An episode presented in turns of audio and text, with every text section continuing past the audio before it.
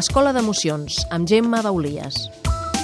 Avui de nou a l'Escola d'Emocions ens acompanya la Gemma Baulies, que recordem que és pediatra, que és homeòpata, que és coautora del llibre La criança transversal, és metge naturista i també és mare.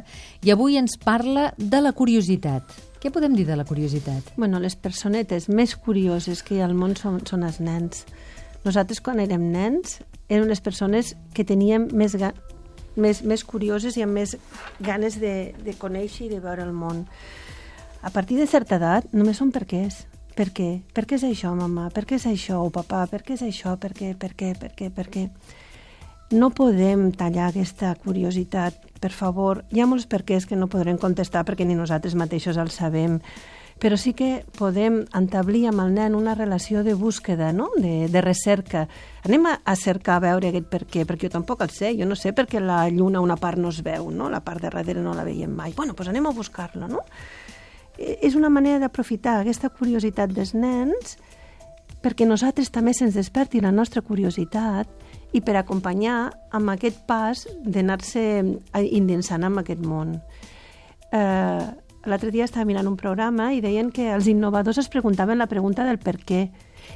Qui, però si tenim muntons d'innovadors de 5, 6 i 7 anys i l'únic que fem és matxacar-los. Hi ha un estudiós, que és el Ken Robinson, que parla molt de que el sistema educatiu que tenim ara l'únic que fa és fer que truncar aquesta curiositat i aquesta iniciativa que tenen els nens. Fem algo, no podem perdre tants innovadors. Necessitem molts innovadors i molta gent que tingui ganes de fer coses, no? I això, aquesta curiositat, ve des de petits. Jo me'n recordo que jo li sempre deia, jo no em vull fer gran, jo no em volia fer gran, perquè entrar dintre del món dels adults significa perdre mo moltes perletes petites, no? Després m'he donat compte que no, que pots fer-te gran i tindre les mateixes perletes, no? Però que aquest pas, bueno, la curiositat la tenim que acompanyar.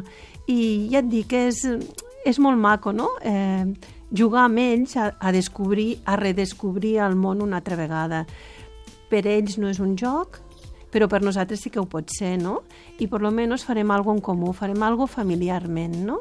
anar a buscar bolets, explicar-li quins són els bolets bons i dolents, anar a passejar pel bosc, um, a escoltar ocells, encara que no en sàpigues. No sé, jo me'n recordo quan els meus fills eren petits vaig fer coses que ni de petit havia fet jo, no? Bueno, pues em van donar la possibilitat de tornar-me a retrobar a mi com una nena petita, no? La meva nena que moltes coses no havia fet en aquella època, no?